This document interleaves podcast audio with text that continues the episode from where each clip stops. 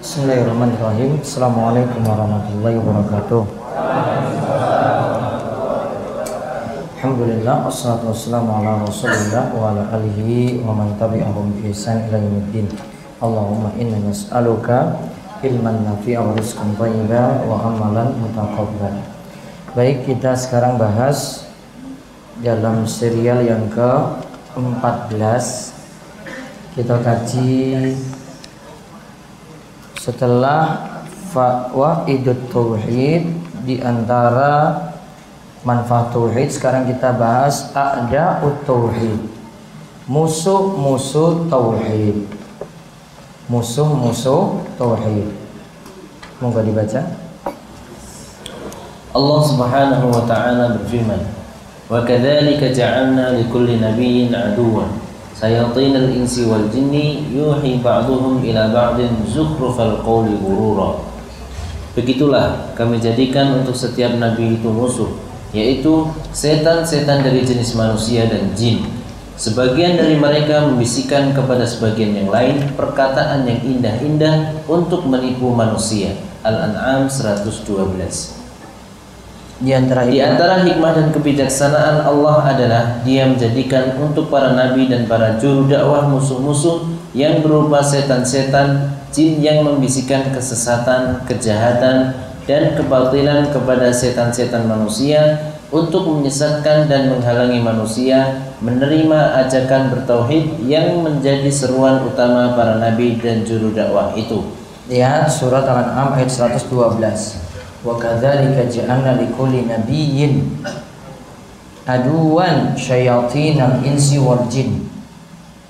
Yuhi ba'dhum ila ba'din zukhrufal qawli ghurura. Kami jadikan untuk setiap nabi itu musuh.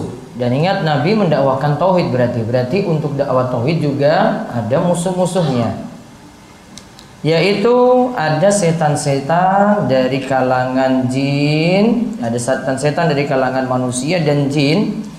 Sebagian dari mereka membisikkan kepada sebagian yang lain perkataan yang indah-indah untuk menipu manusia.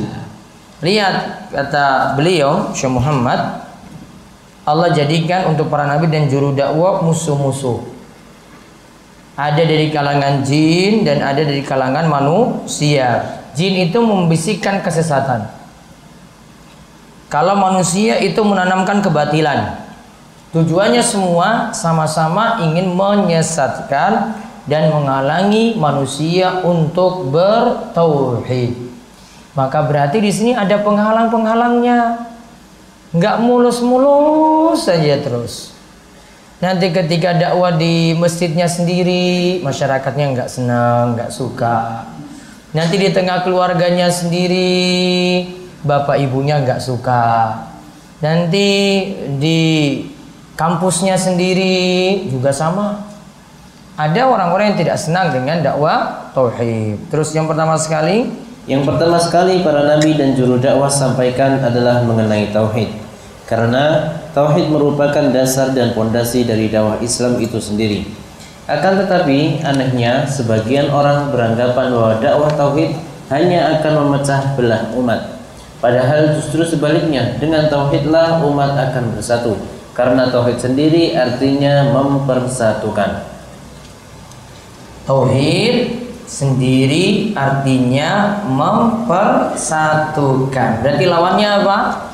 Syirik, syirik berarti memecah belah. Paham Ji? Kalau tauhid itu mempersatukan. Kalau syirik memecah belah. Jadi syirik nggak akan membuat orang jadi satu. Jadi kalau di masyarakat kita itu terpecah, itu pasti bukan karena tauhid, namun karena ada perbuatan syirik. Ya, jadi kalau ada yang punya anggapan bahwasanya dakwah tauhid memecah belah umat, nah itu cuma isu-isu yang diberikan saja. Hakikatnya tauhid itu tujuannya adalah untuk menyatukan umat berada di atas kebenaran, berada untuk menyembah Allah Subhanahu wa taala semata, tidak berbuat syirik. Terus terus Adapun orang-orang musyrik yang mengakui tauhid rububiyah, mengakui bahwa Allah lah yang telah menciptakan mereka, Mereka itu mengingkari tauhid uluhiyah. Mereka tidak mau berdoa hanya kepada Allah saja. Mereka tidak mau meninggalkan berdoa kepada para wali mereka. Kepada Rasulullah Shallallahu Alaihi Wasallam yang mengajak mereka agar hanya kepada Allah saja mereka beribadah dan berdoa. Mereka mengatakan, Mengapa dia mengharuskan adanya satu Tuhan saja? Sungguh itu adalah satu hal yang sangat mengherankan. Sot 5 ayat orang-orang musyrik itu nganggap aneh kalau sesembahan cuma satu. Maka sisi pertentangannya bukan pada tauhid rububiyah. Apa kemarin rububiyah? Mengakui Allah sebagai pencipta, pengatur jagat raya, pemberi rizki yang merajai. Bukan pada tauhid ini, ini semuanya diakui juga oleh orang musyrik. Namun menjadi titik perbedaan di mana Muslim dan kafir di mana? Tauhid uluhiyah di mana mengesahkan Allah dalam ibadah. Nah, itu mereka nggak mau. Kami nggak mau ibadah hanya untuk Allah saja. Harus juga ada pada sesembahan kami perbedaan orang muslim dan orang kafir di situ bukan pada tauhid rububiyah terus Allah menceritakan Allah menceritakan tentang kisah-kisah umat terdahulu begitulah tidak seorang pun rasul yang datang kepada orang-orang sebelum mereka melainkan mereka pasti pasti mengatakan dia itu tukang sihir atau dia itu orang gila Apakah mereka itu telah saling berpesan? Sungguh mereka itu benar-benar orang-orang yang melampaui batas. Az-Zariyat 52 dan 53. Kadzalika ma atal ladzina min qablihim min rasulin illa qalu sahirun aw majnun atawassaw bih. Balhum qaumun taghun. Begitulah, tidak seorang pun rasul yang datang kepada orang-orang sebelum mereka, melainkan mereka mesti mengatakan ada utusan itu dikatakan itu tukang sihir atau itu adalah orang gila. Majnun. Disebut tukang sihir atau itu orang gila. Jadi membuat sihir menipu orang atau itu adalah orang gila apakah mereka itu telah saling berpesan sungguh mereka itu benar-benar orang-orang yang melampaui batas maka kadang musuhnya ini memberikan gelaran-gelaran yang tidak baik Terus kalau dapat gelaran seperti itu gimana? Balas lagi? Oh, ente lebih majnun daripada saya. Balas gitu? Hah? Balas enggak? Dia bilang kita majnun. Gila kamu. Balas lagi. Balas enggak? Apa solusinya? Prakteknya gimana coba? Orang sabar. Wah, gua saya enggak tahan ini pokoknya. Iya kan? prakteknya beda kita kadang cuma teori saja betul nggak saya ini senau makanya belajar belajar untuk apa sabar ah itu ya jangan sandar situ ah bunyi nah, ditegakkan aja lagi. Jangan sampai sandar ya nah. Ya sabar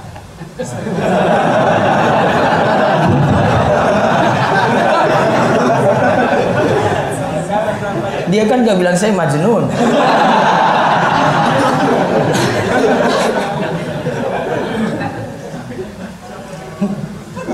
Aneh-aneh. Maka kalau digelari apa pun ya gak usah balas. Solusinya apa berarti? Sabar. Enak banget yang ngomong ya. Berat. Ya kamu harus berusaha seperti itu. Ya. Taib. Terus salah satu sifat kaum musyrik. Salah satu sifat kaum musyrik adalah jika mereka mendengar seruan untuk beribadah dan berdoa kepada Allah saja, mereka akan merasa kesal dan memalingkan diri. Mereka menentang dan mengingkarinya. Akan tetapi apabila mendengar kesyirikan-kesyirikan atau seruan untuk berdoa kepada selain Allah, mereka senang dan hatinya sangat gembira. Allah menggambarkannya sifat orang-orang musyrik itu dalam firman-Nya dan apabila hanya Allah saja yang disebut-sebut, maka hati orang-orang yang tidak beriman kepada akhirat itu pun merasa kesal. Dan apabila sesembahan-sesembahan selain Allah disebut-sebut, maka mereka pun bergirang hati. Az-Zumar 45. Ah, wa idza dzukirallahu wahda isma'azzat isma'azzat qulubul ladina la yu'minuna bil akhirah. Orang-orang yang tidak beriman kepada akhirat jika nama Allah saja yang disebut artinya cuma Allah saja yang diesakan, maka hati mereka ketika itu merasa kesal. Kenapa cuma Allah saja? Artinya mereka tidak terima kalau kita hanya beribadah kepada Allah. Sebaliknya wa idza dzukira alladziina min duni idzahum yastabsyirun. Apabila sesembahan-sembahan mereka yang disebut mereka pun girang.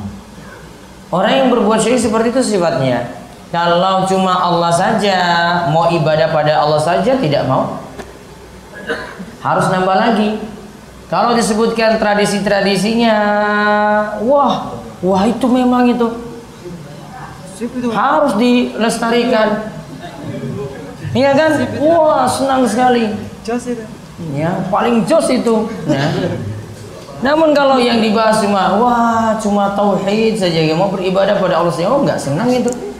Namun kalau sudah budaya-budayanya, tradisi-tradisinya yang dilestarikan, wah ini baru benar itu baru disenang. Nah itu sifatnya orang musyrik.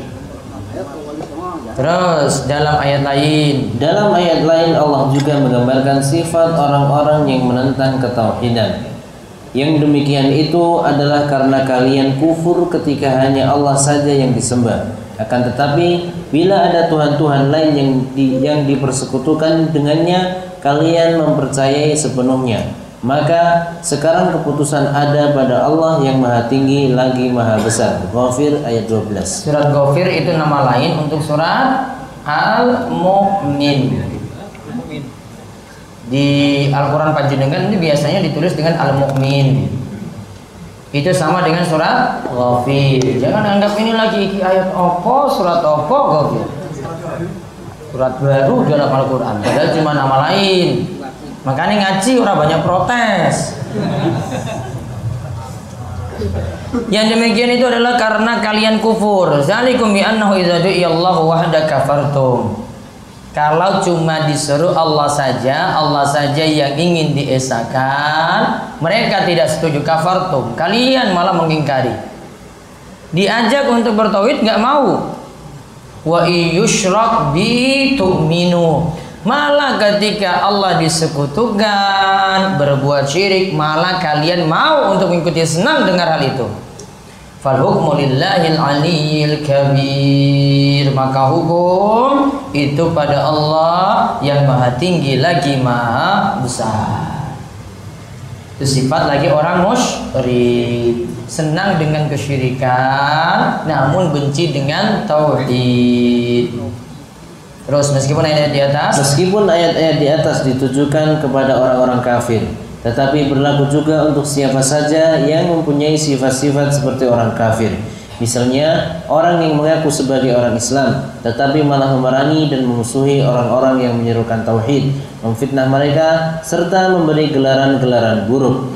Semua itu dilakukan untuk menghalangi manusia menerima dakwah mereka dan menjauhkan man- manusia dari seruan tauhid yang menjadi misi utama para rasul.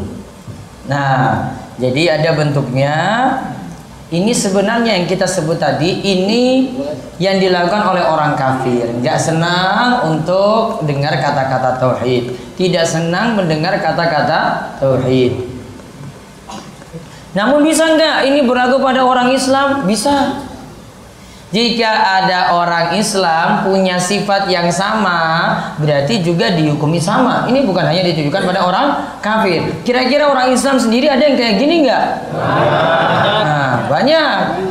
Berarti sama. Sifatnya dia tiru. Kalau dengan tradisi syiriknya, oh senang banget. Kalau memang orang Muslim, KTP-nya Islam, senang dengan itu sama berarti sifatnya dengan orang kafir sama nggak usah ngaku saya keluar dari Islam nggak usah orang Islam senang seperti itu juga Islamnya tanda tanya terus dan termasuk dalam golongan ini Dan termasuk dalam golongan ini adalah orang-orang yang ketika diseru untuk berdoa kepada Allah, hatinya tidak mau tunduk dan kecut. Akan tetapi bila mendengar seruan untuk berdoa kepada selain Allah, hatinya merasa senang dan lega. Sungguh amatlah buruk apa yang mereka kerjakan itu. ketika hanya berdoa pada Allah saja kok kamu cuma berdoa di masjid kenapa nggak dikubur wali ini wali ini wali ini Kenapa cuma di masjid? Wah dia nggak senang itu kalau cuma di masjid saja. Namun ketika itu kepada wali-walinya, wali-wali menurut dia, wali-wali Allah yang soleh, yang doanya itu cepat terkabul di situ dan doanya nanti tujukan pada orang yang sudah meninggal dunia tadi. Nah itu baru tentram di situ, tenang di situ, senang di situ. Jadi sifatnya sama seperti yang kita bahas di sini. Maka intinya musuh-musuh tauhid itu banyak. Bahkan bukan dari orang kafir, namun dari orang-orang yang mengaku Islam. KTP ini Islam. Bahkan mungkin ini yang lebih keras daripada orang kafir ya kan? Kalau zaman ini. Orang kafir nggak ambil peduli dengan kita. Namun kalau orang Islam sendiri, wah paling keras itu. Diusir. Ada nggak yang diusir? Ada. Dikucilkan. Ya mungkin yang belum punya jodoh juga nggak jadi gara-gara itu Oh mas, kamu cuma ngaji tauhid aja lah. Ah nggak mas, kamu harus juga seperti calon bapakmu ini harus juga gini-gini datang ke kuburan minta doa pada orang soleh. Terus solusinya gimana kalau gitu? Cari yang lain. Orang iso sabar ya. Hmm, ini nggak bisa ini. Hmm, mau cari yang lain kok bisa? Masa pemuda-pemuda disuruh sabar-sabar terus? Bisa mas sabar mas?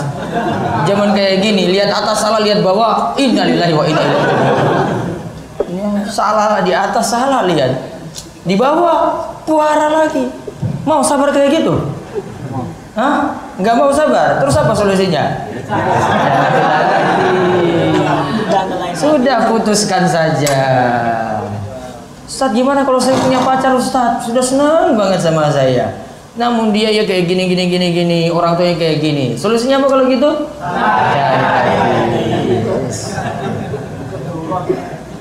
Kan belum nikah juga ya? Cari aja. Masih banyak yang lain gitu. Laki-laki batasannya berapa? Baru satu saja belum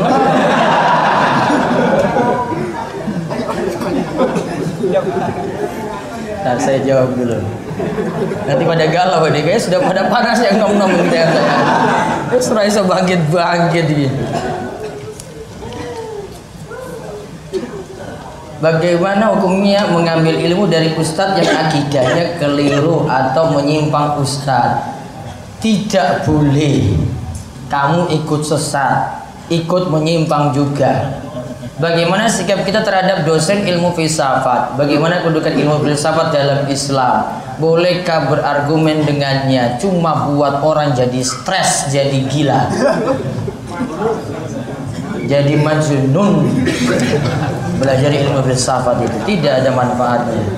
Kecuali kalau di situ keterpaksaan dikarenakan jenengan sudah ambil SKS itu pas kuliah sudah jawab apa adanya saja kalau ujian. Nggak usah ikut kata dosennya.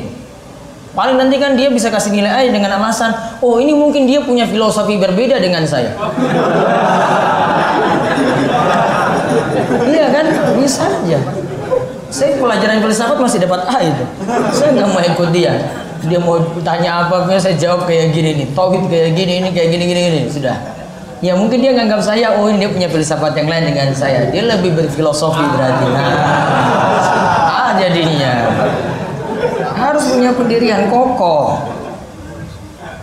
Sebagai panitia zakat apa ada tuntunannya mendoakan pada setiap orang yang membayar zakat fitrah? Cukup katakan mudah-mudahan Allah berkahi. Sudah cukup. Jadi kan gak usah tanya saya doanya bahasa Arab gimana? Itu kan cuma dibuat sama imam-imam masjid saja oh doanya baca ini ini ini saya dari dulu nggak pernah kayak begitu. Orang datang bawa zakat sini misalnya bawa fitrah ke sini sudah. Mudah-mudahan bawa berkah. Sudah. Itu doa nggak itu? Wah, sudah doa. Cukup? Cukup. Nggak usah pakai neko-neko pakai bahasa Arab gini. Wah sok keren aja itu bahasa Arab. Ini yang didoakan juga nggak paham itu apa. Ini apa nih cuma diaminkan sih amin amin waduh aku orang paham dia doanya apa saya amin mawon didoakan pakai bahasa Indonesia sudah cukup kok Mau soal-soal pakai bahasa Arab. Saya nggak mau. Biar dia langsung ngerti saya doakan apa gitu kan. Pak, mugi-mugi beras jenengan ini bawa berkah untuk diri bapak, untuk keluarga, diganti dengan rezeki yang banyak. Enak kan dengarnya? Hmm. Daripada ya barakallahu lak ya Allah, ya tambah lagi Allahumma ini ini, macam-macam gitu. Dia cuma aminkan aja, tapi apa ya tadi ini Pak Imam itu ucapkan ya? Bingung kan? Itu aja. Kalau Pak Tamir bahasa Jawa, bahasa Jawa aja sih sudah itu sudah doakan bagus kayak begitu. Apa beda bid'ah dan khurafat? Sama-sama menyimpang. Maka ada istilah TBC. Apa? Tahayul, bid'ah, khurafat. Semua itu ditentang. Enggak sejalan dengan akidah Islam. Kalau tahayul itu cerita-cerita yang tidak benar. Ya, bid'ah amalan yang tidak ada tuntunan. Apa tadi? Satu lagi apa? Hurufat. Hurufat itu apa pada apa? Kepercayaan kayaknya. Kepercayaan yang tidak benar. Sudah. Dan dakwah kalau menyerang itu itulah dakwah yang benar. Menyerang apa tadi? TBC, takhayul, bid'ah, khurafat. Berarti kalau dukung-dukung itu berarti dakwanya enggak benar. Bagaimana hukumnya seorang yang pamer maksiat nggak boleh? Allah sudah tutupi maksiatnya, maka tutupi nggak boleh dibuka-buka lagi. Ya, Allah sudah tutupi, jangan ketika sudah tutupi dia buka sendiri nggak boleh, kecuali ada kepentingan yang lainnya. Apakah seorang yang berbicara mengenai Allah tanpa ilmu itu dosanya lebih besar daripada syirik Ustadz? Iya. Ada ayat yang menyebutkan lain, nanti saya carikan ayatnya. Karena ada Ustadz yang menyampaikan seperti itu betul, itu kesimpulan dari ayat dan juga disimpulkan oleh Ibnu Qayyim orang yang berbicara tanpa ilmu lebih parah daripada orang yang berbuat syirik. Karena akan lebih menjerumuskan pada orang itu berbuat syirik lagi. Yang dimaksud berbicara tanpa ilmu itu apa? Ngomongnya ngawur nggak pakai dalil sok pinter. Atau dia itu bodoh dan tidak merasa dirinya bodoh kalau orang Arab bilang itu jahil murokab. Apa jahil murokab? Bodoh kuadrat. Ada nggak kayak gitu bodoh kuadrat? Nah, jadi sudah tahu dirinya bodoh, ya. Maaf, bukan sudah tahu. Dia itu tidak tahu dirinya bodoh dan mengatakan itu tanpa ilmu. Jadi doublenya itu double, doublenya itu bodohnya itu kuadrat, bodohnya itu double tadi, bodohnya itu kuadrat. Disebut apa tadi? Jahal murakkab. Orang bodoh berbicara asal-asalan tidak tahu dirinya itu bodoh. Apakah percaya pamali termasuk syirik? Karena kebanyakan orang tua masih percaya seperti itu masih. Contohnya apa? Hah? Ada yang pakai payung siang-siang nggak hujan itu pamali. Apalagi? Ini biasanya istilah orang timur.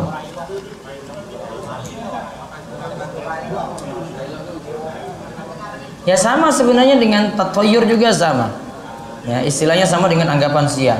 Sebelum sholat tarawih ada sholat apa ini? Nah, sholat tarawih ada yang melakukan dua dua dua dua, terus witirnya tiga atau empat empat, kemudian witirnya itu tiga. Dua-duanya boleh. Yang satu dari hadis Aisyah, yang satu keumuman Nabi SAW bersabda, sholatul laili masna masna. Sholat malam itu kali rokaat salam, kali rokaat salam dua dua dua.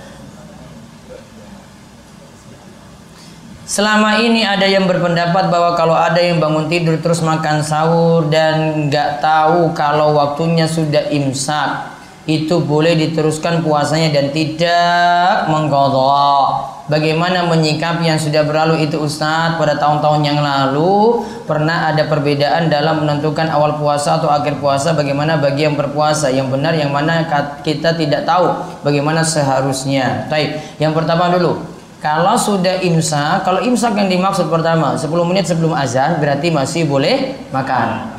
Cuma tanda lampu kuning akan masuk sebentar lagi azan subuh. Berhenti makannya ketika azan subuh sudah tidak boleh lagi ada aktivitas makan minum. Berarti harus sudah selesai sebelum adzan subuh. Dan sepakat ulama juga empat madhab mengatakan jika ada makanannya masih dalam mulut ketika terbit fajar subuh tadi, makanannya masih dalam mulut maka disuruh buang dimuntahkan. Sepakat empat madhab. Jadi kalau uh, keadaannya itu sudah tepat waktu, azan subuh, terus masih lanjut makan, kodok. Puasanya tidak sah. Disuruh imsak nggak tadi? Kalau yang tadi Mazhab Syafi'i suruh nahan sampai buka. Siapa suruh kamu nggak tahu. Ya, tadi sudah kita jelaskan. Namun nanti ada pendapat yang lainnya tentang hal ini. Pendapat yang tepat, dia ketika itu batal puasanya, imsaknya di sini tidak wajib menahan dirinya di sini tidak wajib. Baik.